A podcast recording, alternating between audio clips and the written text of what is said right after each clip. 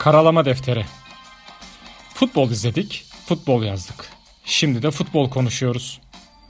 Ultras Movement blog yazarları Galatasaray önceliğinde Türk ve dünya futboluna dair görüşlerini dile getiriyorlar. Defteri bizimle karalamaya var mısınız?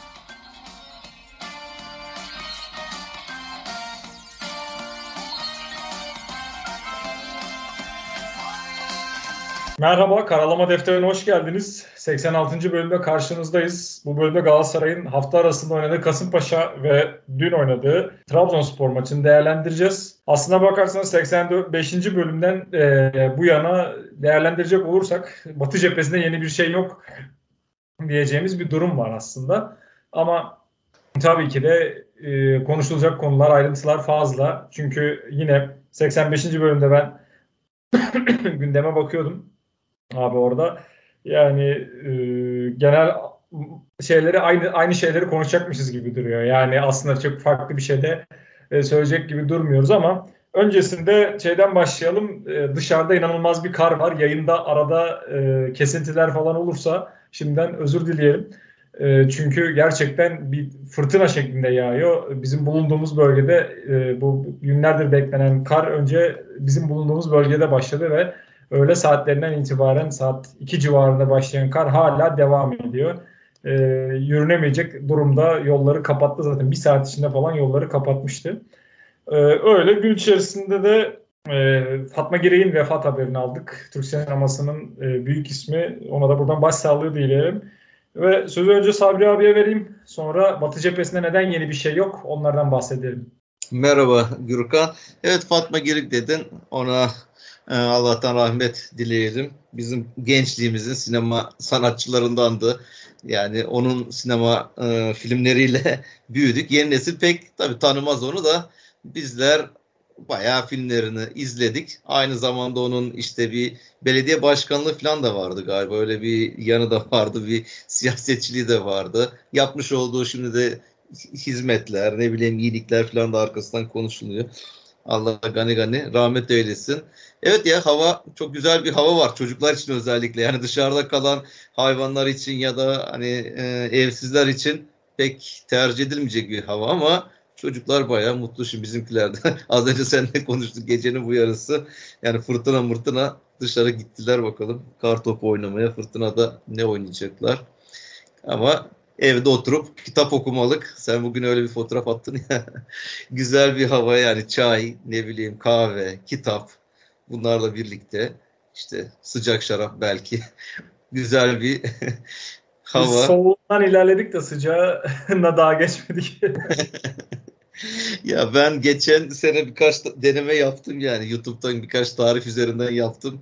Fena da olmuyor. Yani bize dinleyenler tarif yollayacaksa yollasınlar deniriz ama alkol fiyatları da bu kadar artmışken direkt deneme yapmadan da içeriz onu. Yani böyle denemelere de yani onun pek... şeyini kaçırmadan e, alkolü kaçırma riski de var çünkü. Aynen öyle ya çok kötü. Fiyatlar geç dün e, Migros'ta gezerken baktım baya baya uçmuş gitmiş fiyatlar.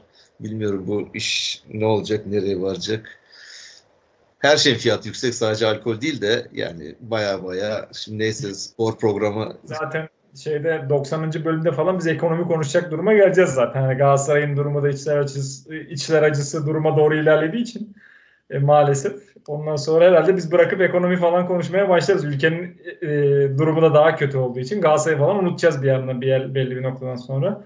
Bu da siyasi eleştirimiz olarak gündeme gelmiş olsun. Aynen öyle. Her şey pahalı. Bak şimdi seni beklerken Twitter'da bakıyordum. Hatta bir e, kampanyadan bahsedeceğiz şimdi. E, kitap fiyatlarına zaten bir sürü zam geldi. %30 zam gelecekmiş yani. Abi kitap okuyamayacak seviyede geleceksek artık nereye gideceğiz ki? Ne okuyacağız ki biz yani? Çok kötü gidiyor bu işler. Yayına yayına bağış toplamaya başladık diyeceğim esprisini ama bağışı başka bir şey için toplayacağız. E, pası attım ben de buradan duyurayım e, Patreon'dan destek alıp e, aslına bakarsanız bir proje e, Sabri abi hayal etmiş. Ona da teşekkür ediyorum. Hani güzel bir proje aslında. E, şöyle ki ben hemen özetleyeyim e, ayrıntılar için ona vereyim. biz yayında Patreon'dan e, şey e, isteyeceğiz bundan sonra. E, Sabri abi Twitter'da falan bunları duyacak birazdan bahseder. E, oradan eğer e, yayında şey alırsak, e, onu destek alırsak maddi anlamda oradan gelen desteği e, yine sizlere, okurlarımıza, dinleyenlerimize, pardon, e, blog dönemi bir an aklıma geldi herhalde. Dinleyenlerimize kitap hediye etmeyi düşünüyoruz. Futbol kitabı, spor kitabı, sadece futbolda değil tabii spordan da bahsettiğimiz için. E, böyle bir ondan sonra çarkın yine dinleyene döndüğü e, aslında bir düzen oluşturmak, güzel bir şey oluşturmuş sevgili Sabri abi. E, teşekkür ediyoruz böyle bir şey yaptığın için abi. Ayrıntılar sende.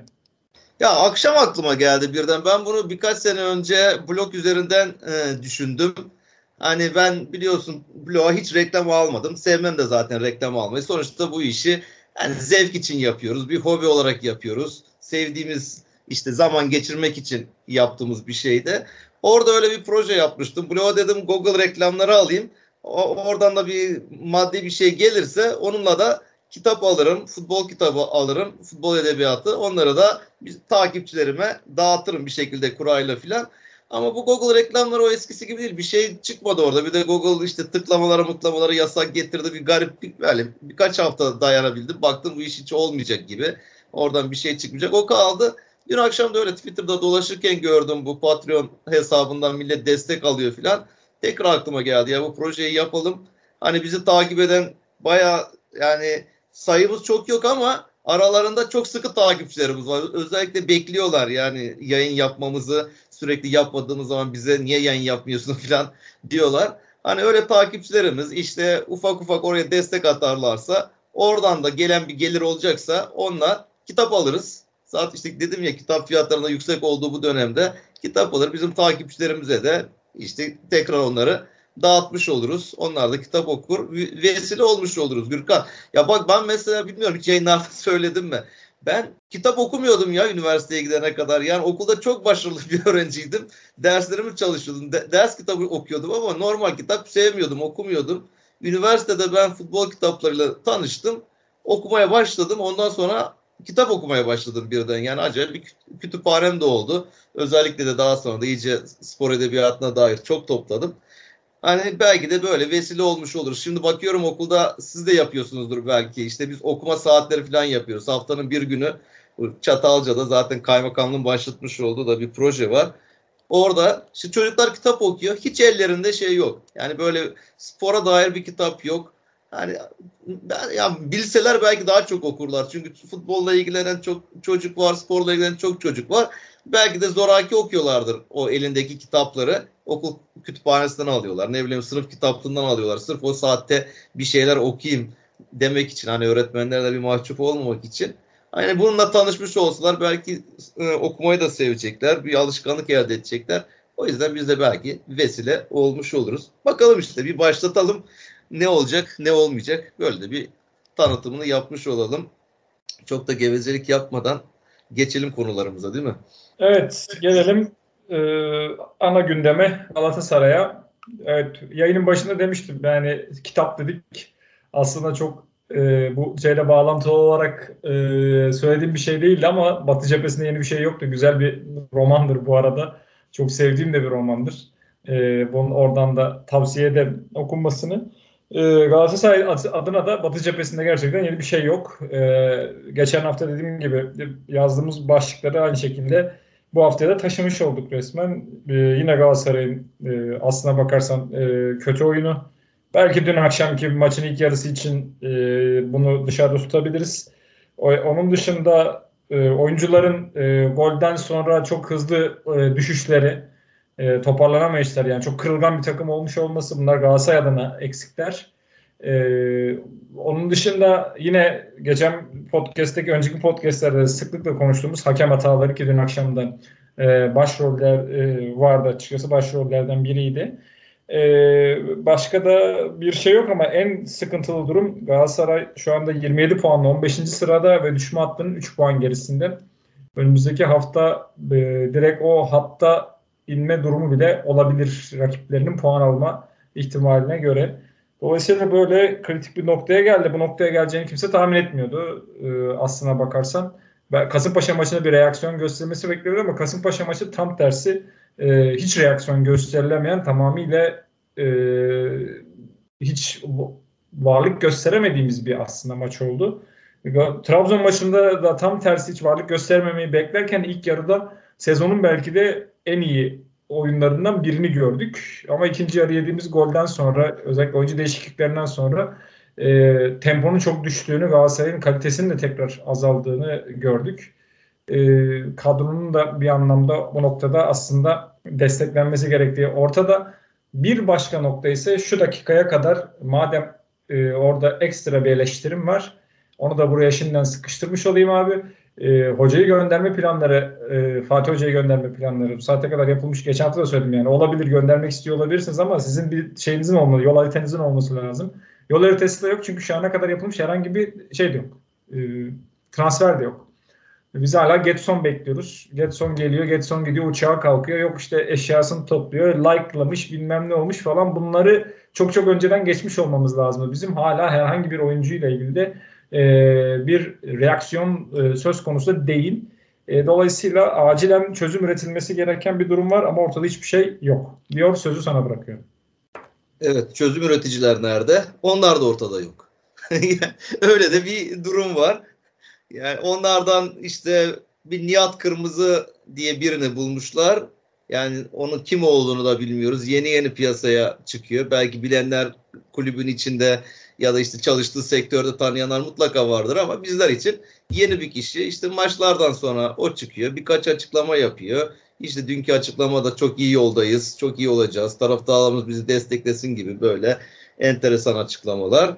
Onun dışında da işte bu kaosları çıkaran maalesef e, işte Işıtan Gün akşam yine çıktı. Beyaz TV'ye mi çıktı? Herhalde galiba oraya çıktı Ahmet Çakar'ın olduğu yayına. Orada Ahmet Çakar bunu evire çevire mahvetti. Yani üzüldüm bir Galatasaray yöneticisi en nihayetinde sevsek de sevmesek de sonuçta Galatasaray'ın seçilmiş bir yöneticisiyle yani dalga geçti diyelim hani tırnak içinde mahvetti. Yani bir sürü laflar söyledi. Abi niye çıkıyorsun? Ve burada da şimdi hani şu ya da var. Ben, ben de onu diyecektim abi. Yani bu tarz programlara pabuç vermeyen bir kulüpten e, muhatabımızın bu hale e, bu pro, bu tarz programlar olduğu hale gelmek bile içler acısı bir durum değil mi zaten? Ya tabii ki bir de daha içler arası durum Gürkan. Yani bu yönetim seçildiğinde ilk söylediği şey en fazla iletişime önem vereceğiz dediler. Hatta herkes Twitter hesabını kapayacak. Kimse yani kulüple ilgili yani kapayacak yanlış oldu. Kulüple ilgili Twitter hesabında kimse herhangi bir beyanda bulunmayacak dendi. Sadece işte e, basın sözcüsü ve başkan konuşacak dendi. Yani bu bir ay iki ay kadar bu şekilde gitti ama ondan sonra abi başkan konuşmuyor. İşte çıkıyorlar bir şekilde yani Işıtan gün bir e, YouTube kanalında çıktı. Bu Gökhan e, Dinçler'in kanalına çıktı. Ne bileyim geçen şimdi Beyaz TV dün akşam çıktı. Yani ondan sonra Rezan gerçi artık yönetme değil ama o da eski yöneticilerden. O da çıkmış e, Ertem Şener'in akşam. Tamamen oradan birbirlerine sallamalar yani Galatasaray'ı çok kötü duruma sok, sokmalar oluyor. Bu da insanı daha da üzüyor. Hani dediğim bu işi çözecek kişiler şu an ortada yok. Başkan Fatih Terim'i gönderdikten sonra çıktı. Bir şeyler söyledi. Ondan sonra yok piyasada açıklama yapmıyor. Sürekli her maçtan sonra tribünlerde bir isyanlar. Özellikle kötü sonuçlardan sonra sürekli yönetim istifa. Buna hiçbir cevap verilmiyor. Sadece işte şeyler geliyor. Ufak ufak el altından yok direneceğiz, bırakmayacağız gibi mesajlar geliyor. Tabii o söyledi mi söylemedi bunları. Onu da bilmiyoruz. Hani böyle garip bir şekilde bir kayığın içindeyiz. Bir denizde o kayık nereye gidecek belli değil. Bunun kaptanı var mı yok mu? Kürekler nereye çekiliyor? Rüzgar neredeyse hiç belli değil. Bir yere gidiyoruz. Şöyle hani ufak bir sahaya da dönersek oradan. Hani şunu sorayım abi ya ben mesela yani Fatih Terim olsaydı artık tamam o dönem geçti sürekli Fatih Terim konuşmak istemiyorum ama en basit ya beyin jimnastiği yapalım. Sesli düşünüyorum. Şu 3 maçta yani Galatasaray sıfır çeker miydi ya 3 maçta? çekmezdi. Yani 3 maçta en azından orada en kötü olsa dahi bir puan bir beraberlik çıkardı. Yani galibi de olurduk da yani oradan 3 puan da alırdık ama en kötü en kötü en kötü yani bir puanla ayrılırdık. Ama yeni hoca getirdiler ki başka takımlarda genelde şeydir ya yeni hoca geldiğinde takıma bir hava gelir. Her şey bir değişir filan. Belki öyle yapmak istediler ama maalesef Torrent hiçbir şey veremedi gibi şimdiye kadar. Ha yeni gelmiş adamı da eleştirmek istemiyorum. Tamam daha bir süre istiyor. Yani gelir gelmez de çok garip bir fikstüre girdi. Yani bir haftada 3 maç oynadı. Şimdi ben de onu diyecektim abi 10 günde 3 maç oynadı falan. Yani zaten eleştiri bir hocanın gelip bir şeyler gösterebilmesi için en az yani belki de bir aya falan bir buçuk aya ihtiyacı var ama yani Galatasaray'ın o kadar süreye ihtiyacı, e, o kadar bir şey yok süresi yok bence yani. Tabii tabii. Ama eleştireceğim nokta şu mesela yani Galatasaray'ı ben izledim diyor. Yani Galatasaray 8 maç izledim. 8 hafta falan hani arka arka izlememiştir. O kadar uzun sürede 8 hafta 2 aya falan denk geliyor. Belki hızlı hızlı arka arka 8 maç izlemiştir. Hani hafta olarak belki öyle lanse ediliyor. Ama mesela abi şu Kasımpaşa maçında Hay şey vardır ya meşhur bir ara meşhurdu şimdi artık pek duymuyorum onu. İşte bu maç X'e yazar. Böyle bir terimler var hani bir deyim var böyle filan. yani bu Kasımpaşa maçı kime yazar? Ben Torrent'e yazar Kasımpaşa maçı. O çıkardığı kadro çok kötü bir kadroydu. Ya sen en kötü yani orada Van Aanholt'u orta sahada ön libero oynatılır mı ya? Madem izledin yani oynat Van Aanholt'u e, sol e, bekte oraya Ömer'i koy abi ortaya. Şimdi orada Berkan'ın Taylan'ın sakat cezalı olması oynayamamalarından dolayı orada bir eksiklik vardı ama Van Aanholt hiç olmadı. Yani o Kasımpaşa maçına şöyle ufak ufak değinirsek yani orada çıkarmış olduğu kadro çok kötü bir kadroydu. Hatta bir de şöyle bir durum var.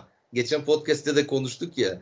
Yani milletin Fatih Terim takım başındayken eleştirdiği tüm oyuncuları 11'leri aynılarını hepsini oynatıyor işte e, şey yeni hoca Torrent. Arda'yı da oynattı. Hani Arda evlat kontenjanı deniyordu. Yok Babel'e evlat, Ömer'e evlat kontenjanı diyordu. E bunlar şimdi Torrent'in evlatları mı oldular? Yani demek ki adam elinde kim varsa bir şekilde oynatmaya çalışıyor. Hani Kasımpaşa maçını alabilirdik yani. Çok kötü kaybettik. Orada işte ben o, o maçı biraz hocaya yazıyorum. O maçı seyircinin desteği vardı. Tabii gene mağlup duruma düşünce orada Yine seyircinin yuhlamaları vesaireleri ile yine protestolarla biten bir maç. Ama daha güzel idare edilebilseydi o, o maç o maçı alabilirdik. Trabzon maçı güzel yani Hatay maçı da çok iyi başladık aynı şekilde. Zaten iç sahada bir şekilde baskıyla başlıyoruz maça. Hele elinde iyi kadro varken yani eksiklerin olmadan yani mesela kaleci dışında bak Fatih koydu kaleye. Ee, İsmail Çipe'yi Trabzon maçında oynatmadı. Fatih de fena değildi kalede. Başarılıydı. Hani iyi bir ilk yarı. Güzel başlayan işte ne bileyim rakibi boğduk resmen. Hani Abdullah Avcı falan böyle maçtan sonra sanki büyük bir taktik zekayla kazanmış gibi açıklamalar falan yapıyor da hiç alakası yok yani. Onun taktik zeka maktik zeka değil orada iki tane basit hata burada maçı aldı Galatasaray'dan Trabzon'a verdi. Bir de kaleci farkı dün akşam acayip bir kaleci farkı vardı. Yani işte boşu boşuna milli takım kalecisi değil. Yani ısrarla Avrupa Şampiyonası'nda filan Altay mı olsun işte Uğurcan'ı Fenerler Altay dediler işte Trabzonlar Uğurcan onlar kendi kalecisini görmek istedi. Biz o tarafta ben Uğurcan'dan yanaydım çünkü iyi bir kaleci abi. Türkiye'nin yetiştirdiği son yıllarda yani yerli kalecilerin arasında belki en iyilerinden biridir. Hani Beşiktaş'ta Ersin falan var ama Ersin onun yanına yaklaşamaz. Adam neler çıkarıyor yani bu Muslera'ya bir ara deniyordu ya haksız rekabet diye. Yani milletin rakip kalecinin Muslera olduğunda ne hissediyorsa dün akşam ben onları hissettim. Yani Uğurcan'ın o yapmış olduğu kurtarışlarla iki tane o ilk yarıda bir Berkan'ın bir pozisyonu var. Hani böyle şut çekti bir kontrpiyede kaldı. Onu çok az kaleci çıkarırdı Gürkan o topu. Yani o çıkacak bir pozisyon değildi. Ters ayakta yakalandı bir de. Yani nasıl çıkardı ki belki maçın kopma anın, anı olurdu. Orada 2-0 öne geçsek iş farklı yere bile giderdi.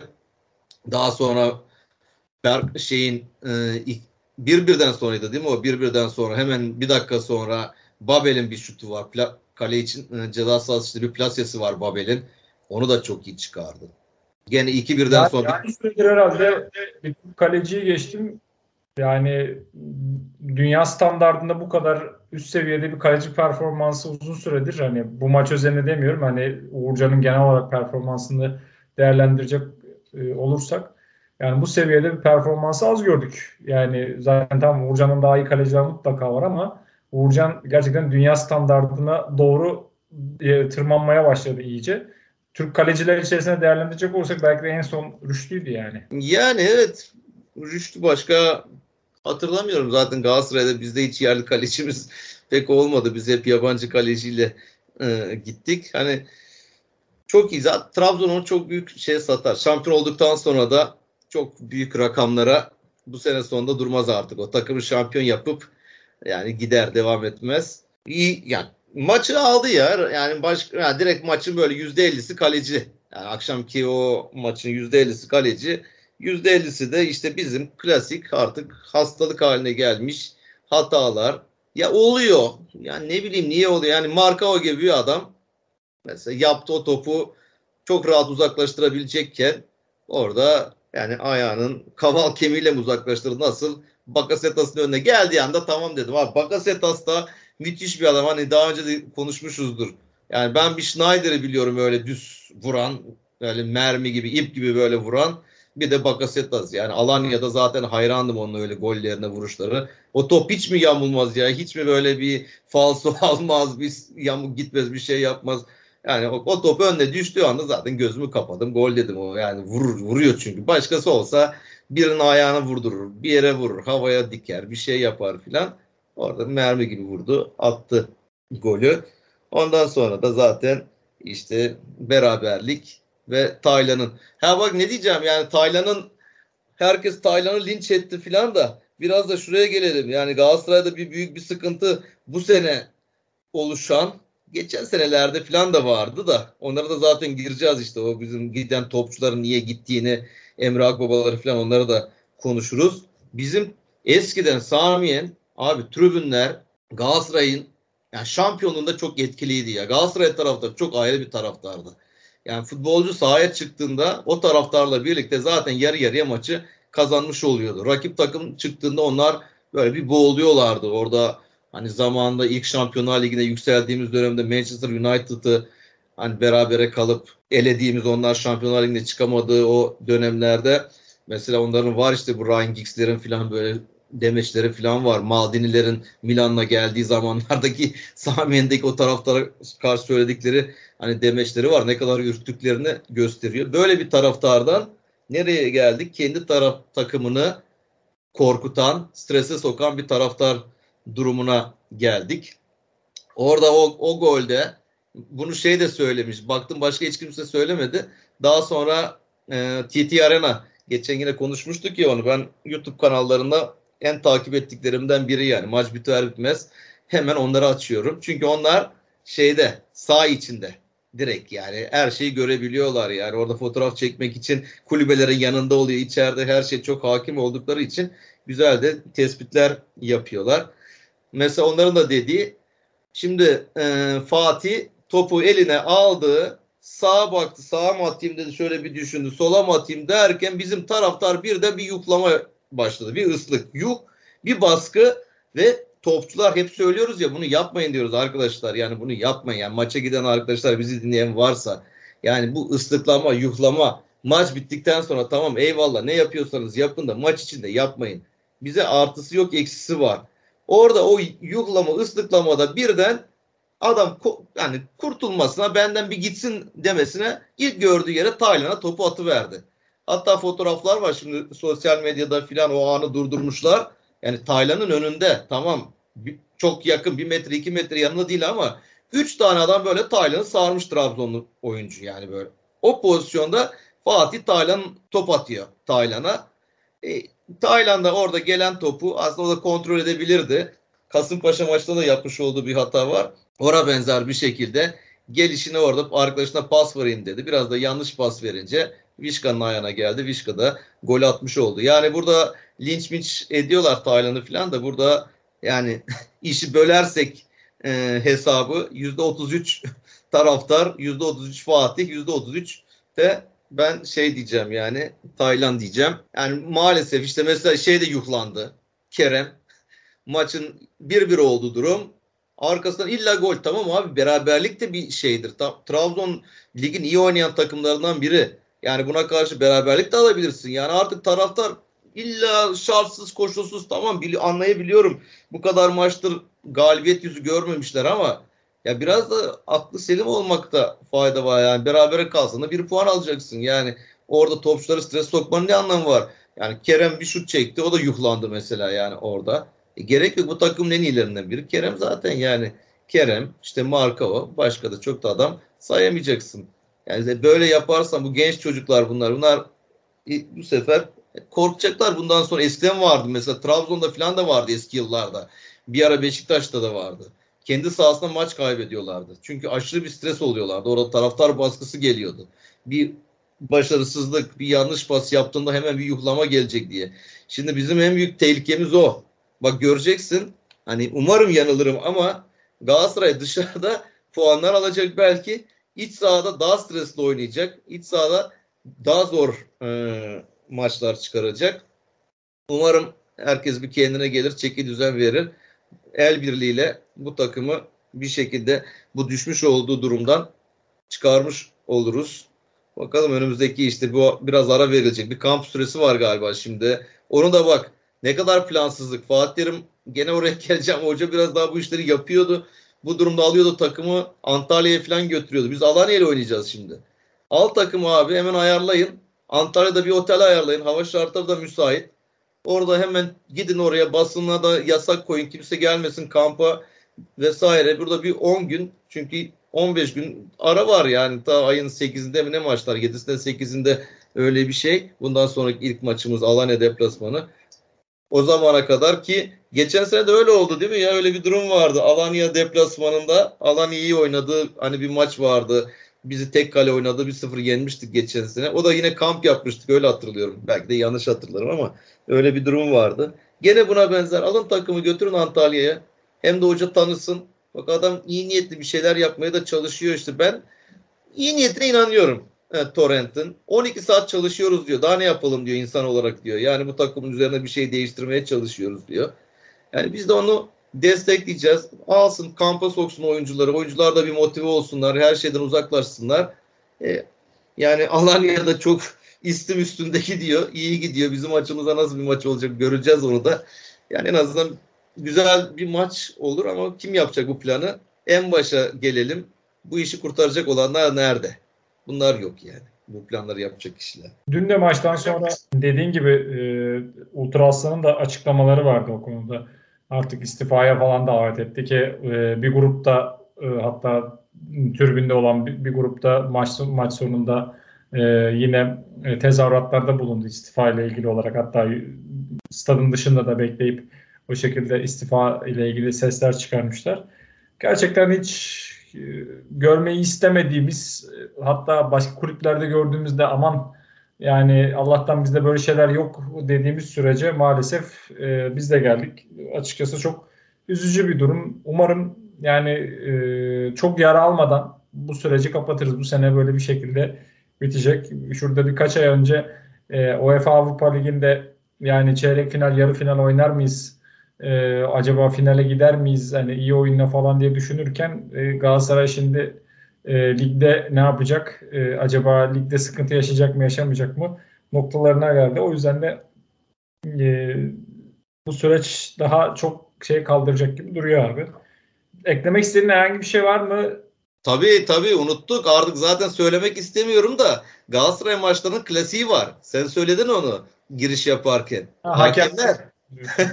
yani bu artık yani ilginç bir şey abi bu bak bu çok yanlış yerlere gidiyor Gürkan. Bu iş böyle bu işin şakası yok. Bir gün biri çıkacak.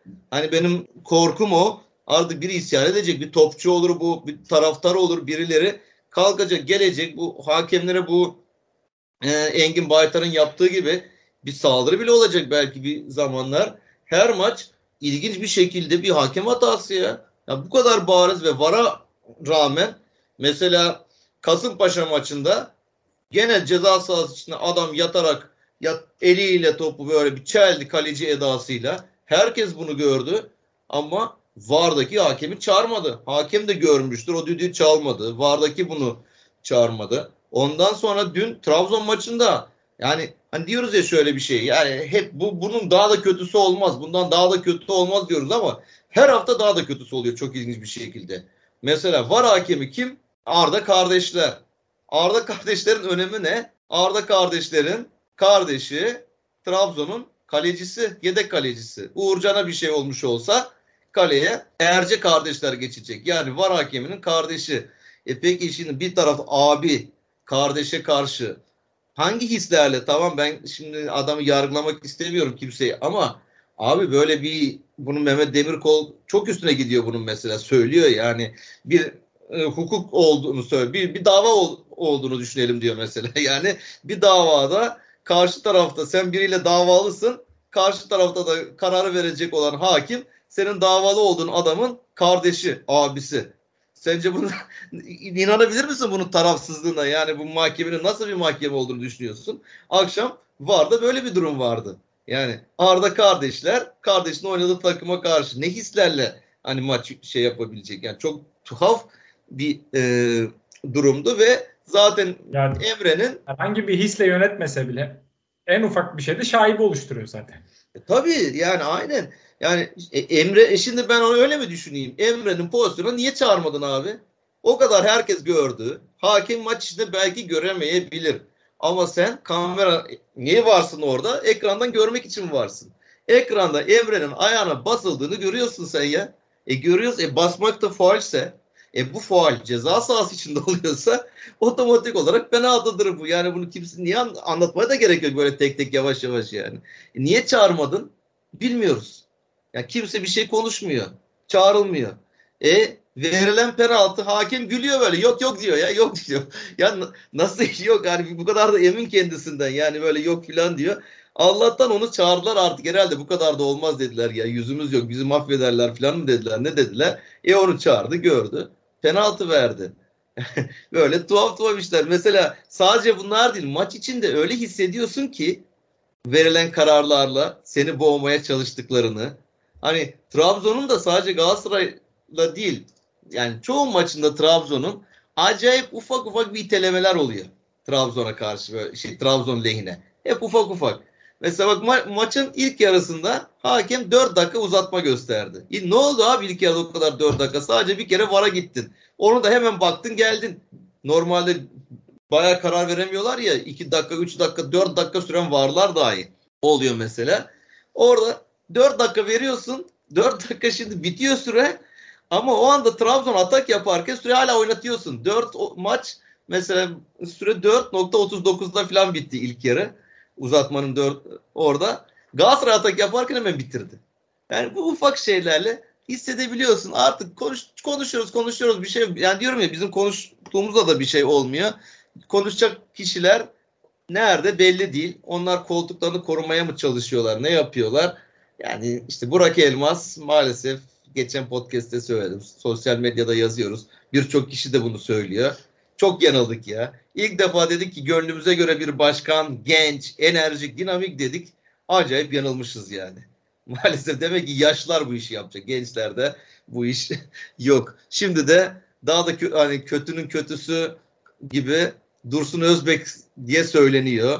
Paralı başkan olarak gelecekmiş filan deniyor. Millet onu hani ne derler ölümü gösterip sıtmaya razı olunur derler ya yani şu an herkes Dursun Özbekçi oldu. Onunla neler yaşadığı bu kulübün aslında herkesin malumu ama bunları gördükten sonra da bu kadar iş bilmezleri gördükten sonra da işte Dursun Özbek'in yapmış olduğu transferler akla geliyor. En azından bir sürü para harcadı ama işte Gomis'leri o Galatasaray iki sene şampiyon yapan kadroyu Fatih Terim'i getirdi mesela.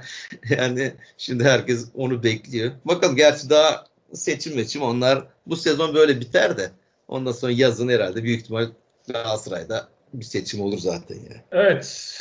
Bir diğer konu ise aslında yani yani şöyle söyleyeyim benim çok sevmediğim konuşmayı çok yapmadım bir muhabbet ama yani giden oyuncuların gösterdiği performanslar özellikle bu hafta Yunus'un attığı goldeki estetik e, çok gerçekten çok klas bir şey olarak karşımıza çıktı. Çok beğenerek, keyif alarak izledik.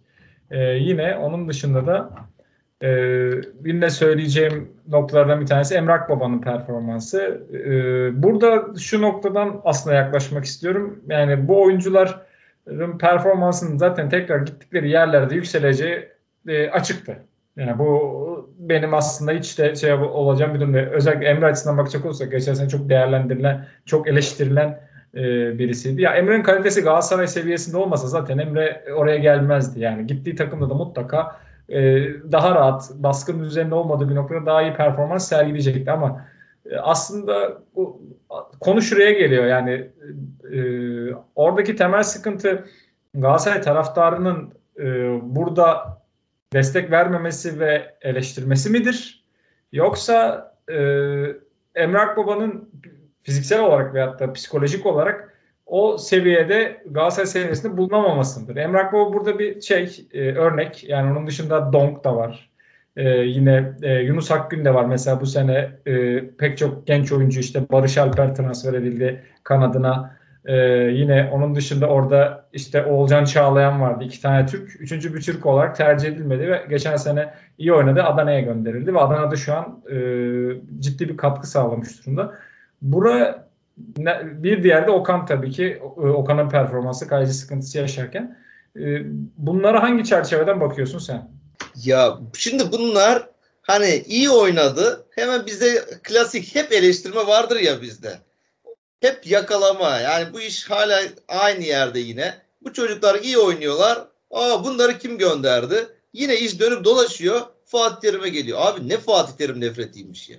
Valla bu insanlara ne yaptı bu hoca? Yani bu kadar mutlu etti bunlara. Bu kadar kupa getirdi. Keşke getirmeseydi bu insanlar da bir Fenerbahçe gibi olsalardı yıllarca şampiyonluk özlemi çeken taraftar olsalardı da belki bir şeyleri anlayabilirlerdi yani. İşte hoca bunları gönderdi. Abi niye gönderdi mesela? Emre niye gitti? Bunun açıklaması zaten Fatih Terim yaptı. Emre'yi taraftar yolladı. Neydi? Hani senle biz geçen seneki podcastlerde hep savunduk ya. Bu Emre Agbaba iyi topçu, iyi bir çocuk. Bunları sadece bu sahada oynadığı bir şeye değerlendirmeyelim. Bu adam niye kötü oynuyor, niye güçsüz hissediyor? Çünkü yetenekli bir oyuncu.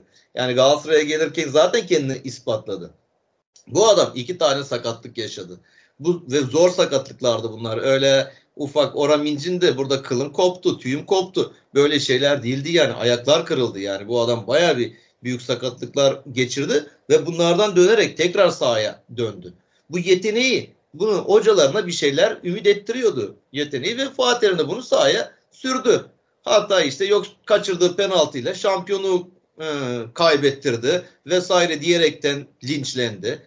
Yani e, Baggio da koca İtalya'ya dünya şampiyonasını kaybettirdi yani kaçırdığı penaltıyla ki bu Baggio yani İtalya futbolunun önde gelen yıldızlarından biri. Ama o dönemde hep konuştuk. Ya bunları bu topçulara şey olarak bakmayın. Yani sadece sahada oynayan oyuncular olarak değil. Ya bunların özel hayatı var. Bunların bir yeşil saha dışında bir hayatları var bunların yani. Bak adam orada psikolojik tedavi görme pozisyona dahi gelmişti. İşte çocukların bir sancılı bir doğum gerçekleştirdi. ikizleri var. Allah onlara sağlık versin. İnşallah güzel bir şekilde büyüyorlardır şimdi filan. Hani bir şeyler yaşadı. E şimdi geldi Alanya'da. Ona güvenildi. İşte Bülent Hoca oynattı onu. Şimdi Faroli oynatıyor tekrardan. Güvenildi ve çok rahat bir şekilde topunu oynayabiliyor. E sen buna Galatasaray'a destek verseydin ama işte artık diyorum ya ben başından beri bu bir hastalık gibi bu taraftarlık oldu ya. Eskiden çok iyi taraftarımız vardı. Şimdi yuhlamayı seven bir taraftar oldu bu statlarda. Hemen hatta da yuhla. Hemen ıslıkla, hemen yuhla. Ya bir destekleyin. Yok ben para veriyorum topçular milyon dolarlar kazanıyor vesaire. Ya bir kazanacak Allah Allah. Yani adamın da işi o. Sen senin maaşına kimse soruyor mu? Yani kaç alıyorsun, ne alıyorsun vesaire gibi. E tamam vermesin. O zaman yöneticileri yukla niye veriyorsun diye. Yani adama niye suç atıyorsun? Hani Emre'nin durumu bu şekilde. E, oynaya oynaya şans verirsen oynarlar. Desteklersen daha da iyi oynarlar. E, Yunus aynı şekilde. E, Yunus Galatasaray'da da oynadı. Özellikle kupa maçlarında Fatih Terim ona şans verdi. Diğer hocalar da verdi. Daha önceki hocalar da ona şans verdi. Ama Yunus kendi gösteremedi. Yani olmadı. O maçlarda aldığı şansı gösteremedi. Ama Adana'da yani özellikle bu yabancı oyuncu işte sınırlamasından dolayı illa Türklerin olması gerektiğinden dolayı işte sahada 3 tane Türk oyuncu Yunus forma şansı buldu. E bu şansını da iyi değerlendirdi. Orada da destek verdi. Hem e, Montella özellikle yeni hocası, taraftar da arkasında durdu. E bu böyle olunca da yetenekli çocuk sonuçta. O da kendini göstermiş oldu. Ama Galatasaray'da aynısını yapar mıydı? Oynasaydı olur muydu? Belli olmuyor işte. Yani bu şu kadronun içine gelseydi Yunus o da yuhlanacaktı. Bak ne dedim az önce? Şu an takımın en iyisi belki Avrupa'ya satacağımız çok yüksek fiyatlara satacağımız Kerem bile dün yuhlanıyor. Adam olmadığı zaman Galatasaray top oynamayacak bir haldeyiz şu anda. Ama Kerem iki pozisyon pas vermiyor, şut çekiyor, out atıyor falan yuhlanıyor. E Yunus da bunları görecekti. Bu yuhlamaları, ıslıklamaları. E Yunus'un da şey düşecekti. Okan'a gelirsek Okan zaten o da yaşadı bunları. Ona da bir sürü laf edildi. O e, Mustara'nın sakatlığı Rize'deki o kötü sakatlığından sonra formayı aldı. Kalede durdu. İyi kurtarışları oldu ama öyle goller de yedi. Çok garip garip goller de yedi. Ondan sonra ona da denmedik bırakılmadı. Bu iğrenç bir ortam var ya işte sosyal medyası bilmem nesi filan böyle. Ona da denilen her şey dendi filan. E, e, bir de şimdi Muslera varken şimdi Okan'ı mı Muslera'yı mı oynatırsın? Şimdi hani Okan filan diyecek olanlar vardı da abi yok yani Muslera Muslera'dır her zaman yani şu an o tecrübesiyle şeyle. Çünkü iki maç Okan hata yapsa dersin ki ya niye Okan Muslera varken Okan'ı oynatıyorsun? E, orada gitti zaten kendisi bir de bunu kimse göndermedi. Bir de böyle yalan yanlış bilgiler var. Ya bunu da söylüyorlar ama insanlar anlamak istediğini e, kafalarına yazıyorlar. Duymak istediğini kafalarına yazıyorlar. Öbür tarafı duymuyorlar. Yani Fatih Terim bunu da söyledi. Okan geldi bize. Ben oynamak istiyorum. Hani Muslera olduğu sürece ben formayı zor alırım. O yüzden ben kendimi geliştirmek istiyorum. Ben kiraya gitmek istiyorum demiş. Biz de yolunu açtık diyor. Hani şimdi diyorlar ya niye Okan'ı gönderdin? E, gelişimi için gönderdiler Okan'ı. İşte bak ne güzel bu kaleci taposu sende. Okan oynayacak.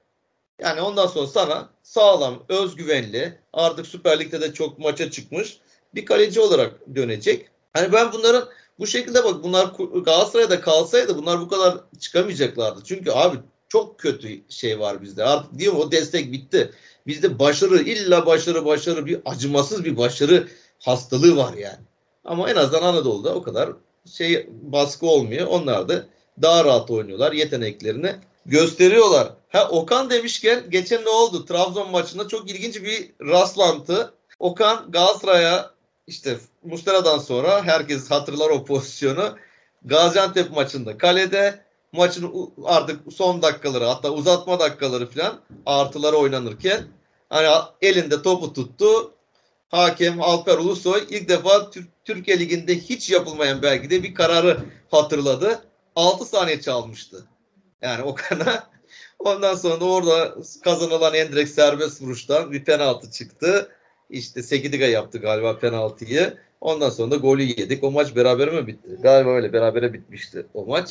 Ve aynı Alper Ulusoy hani Trabzon maçında hakemi penaltı verdi. Penaltıda Okan kurtardı. Ondan sonra kurtardı penaltı iptal etti. Yani bu da hiç yani bu da yine görülmeyecek bir şey. Çoğu hakem bunu oynatıyor. Devam diyor. Yani yok ileri erken çıkmış oyuncu bilmem ne girmiş hani erken filan. Birçok maçta bunlar yaşanıyor. En son benim mesela aklıma gelen Galatasaray Beşiktaş maçı Gürkan. Orada e, Mustafa Muhammed'in işte şeyi kaçırdığında penaltıyı kaçırdığında Beşiktaşlı oyuncu erken girmişti içeri ama tekrar ettirmediler. Var da vardı. Ama penaltı tekrar edilmedi. Burada mesela Trabzon maçta tekrar edildi ve Bakasetas gibi bir adamın iki tane penaltısını kurtardı.